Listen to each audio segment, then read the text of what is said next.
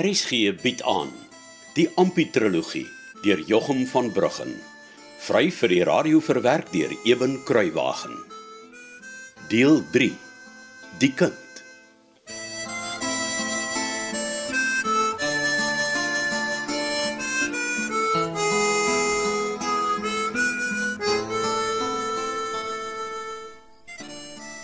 Het jy die melk vir tant Grieta gegee? Waarom Casper? Dankie jou. En toe, hoe lyk dit Ampie? Het jy 'n bietjie met Annetjie ook gepraat na ek vroegmiddag daar by julle was? Ja oom. Wat sê sy? Sy sê oom is reg. Sy het ook alself gewonder hoe ons hierdie winter gaan kom met die droogtespil wat ons so wurg. Mhm. Sy sê dit sal eintlik goed wees as sy by die skoolmeester kan gaan 'n werkie soek. Ah, Want dan kan Jakobie saam met haar gaan dat sy hom kan oppas.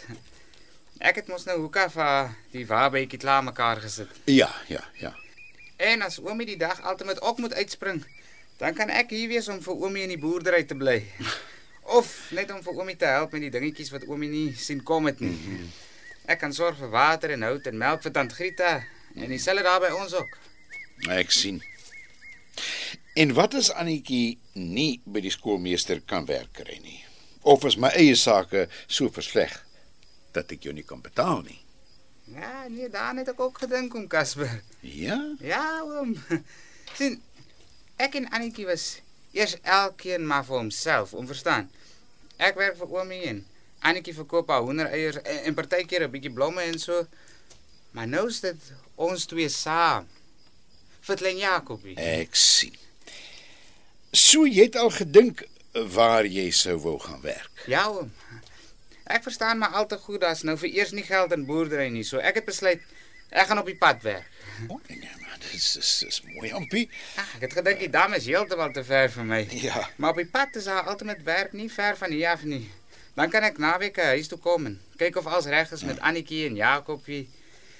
Ja, mens weet nooit of daar sulke werk naby is nie. Laat ek sommer s'avonds ook aan huis toe kom nie. Ja, ja, ja, nee nee, ek ek ek weet nou nie. O, oh, so maar eers Maar kyk want wat die moet weet, hulle sal baie na my verlang en ek na hulle. Dis hoekom ek vir my 'n bicycle gaan koop. Dan kan ek sommer tjoef tjaf huis toe ry van die pad af. En dan kan ek sommer genoeg hout ook vir Annetjie kap vir as ek weg is. Nee, dis dis is alles goed en wel, Ampie. Maar jy weet, 'n fiets kos geld, nê? Nee. Ja, oom. Nou, waarmee wil jy vir so 'n ding betaal? Ek sal om reël vir kort kom. Met die karretjie en die tuig. Want wat maak ek tog met 'n donkie as ek iewers op die pad moet werk?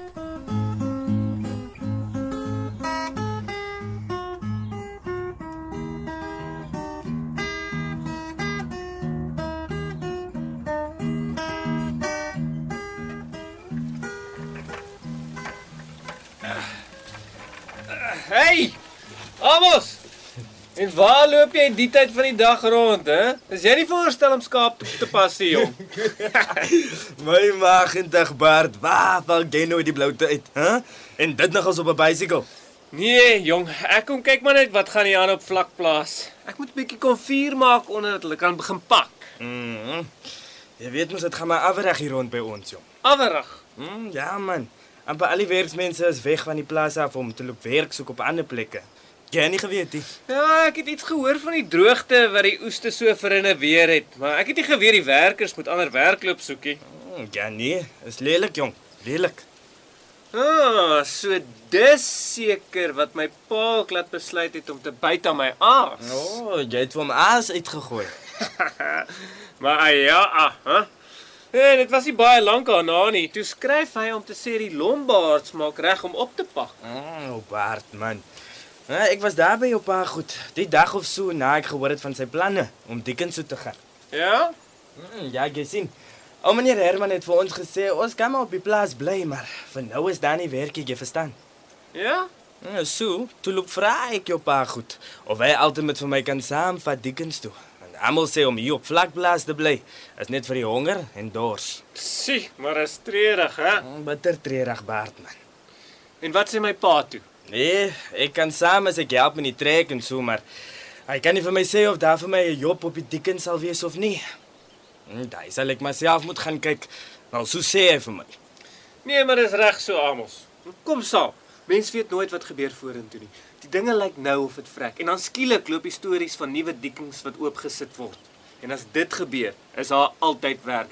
Want dit is nie net van oppak en waai nie. Mm, nee, maar dankie Bart man. gaan jy dan na Ampie se kant toe ook as uitsit? Ja, ek gaan probeer, maar hy was laas heel teen die idee. Hy wou nie eens luister nie. Ek het hom eintlik nodig daar.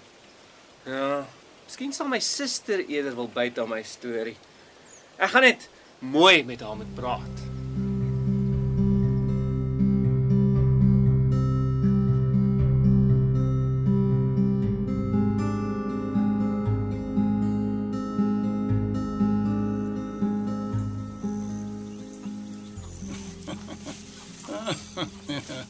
En toe van waar gehasie?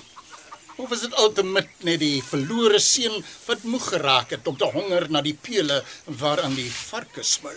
Ja, dag pa. Nee, ek het maar net kom kyk wat gaan aan. Pa skryf julle gaan oppak, maar ek sien niks wat lyk na oppak nie. Ja, ons uh, kyk maar nog die kat uit die boom perd. Maar ek dink dan is klaar besluit.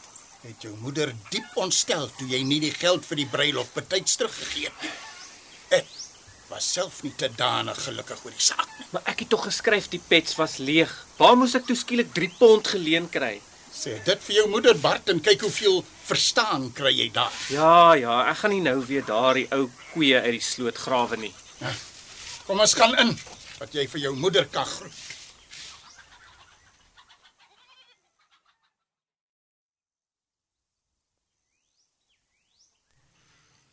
Ek dink jy sê dit sal net 2 ultimate 3 weke vat om Annetjie se bruilofsgeld net rente vir ons terug te bring. Ha, Annetjie is al 18 maande 'n getroude vrou met haar eerste kind ook al daar. En hier kom jy nou eers aangevlenter. Dag, ma. Dag. Pa. Ma, Wat is dit Bart? ek het darm nie met leë hande huis toe gekom nie. O, oh, Nee.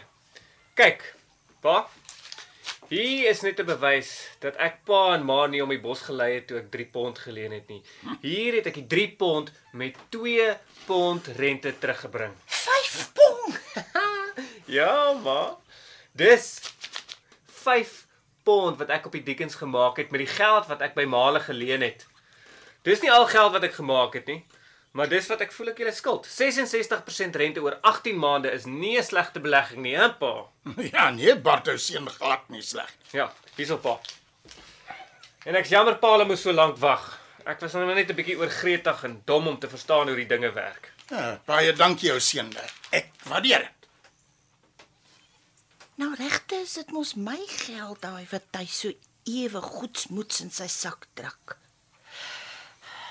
Ja, wat ou Anna. Maar net stil bly en verduur. Dis mos maar jou lot in die ou lewe. Ek gaan gooi vir julle 'n bietjie koffie. Ag, dankie Annie. Hey, kom, sit jou seun. Kom, kom, kom. Kom sit. Waaroor huil ma dan nou so pa? Seker maar net dankbaar om jou weer te sien, ou seun. Dis vir haar maar swaar met jou so ver weg. Ja, ek tog regtig as ek hier op vlakplaas aankom en spale al reg vertrek, waans gepak en als. Hmm. Eerlik te wees, Bart, ons was nie seker of jy nog op die delwerye is of nie. Hoe kon Paul so dink? Ek sal mos nooit so agterbaks wees en met Paul se geld verdwyn nie.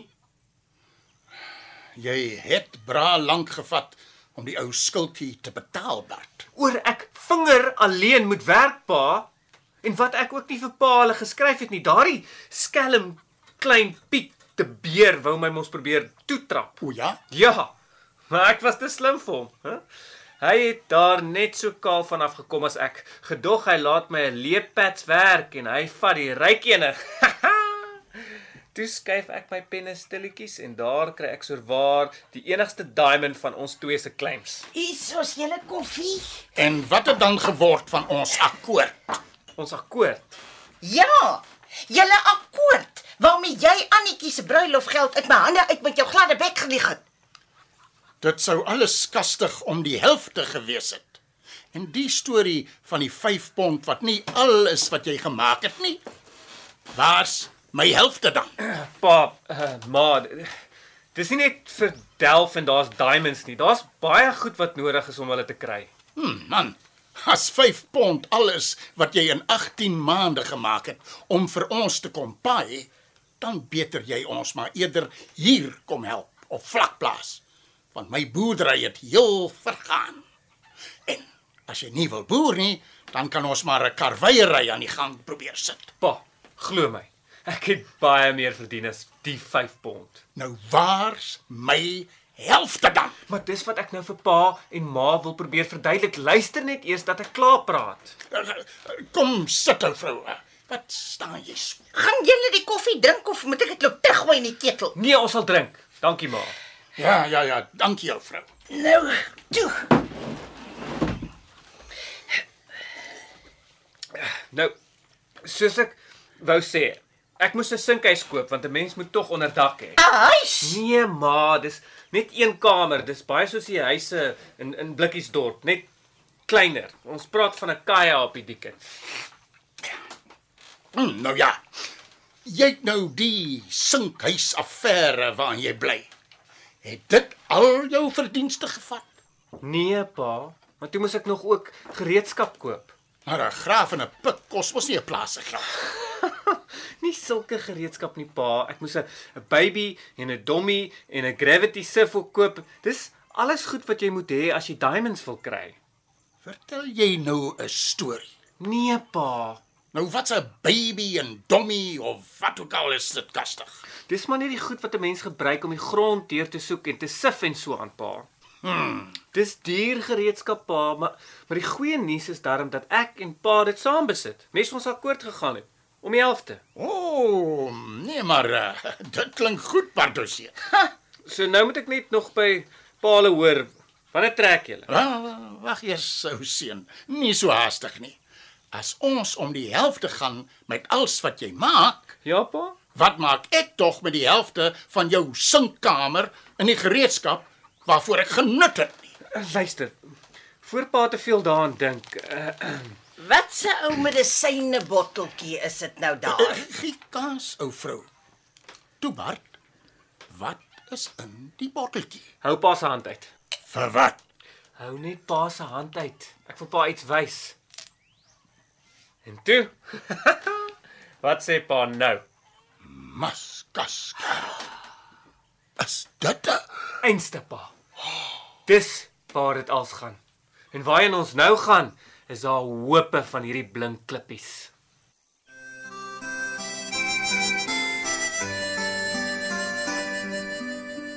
Dit was Ampi, die meisiekind, deur Jochum van Bruggen. Cassie Lauers behartig die tegniese versorging. Die verhaal word vir RSG verwerk deur Eben Kruiwagen en in Kaapstad opgevoer onder regie van Joni Combrink.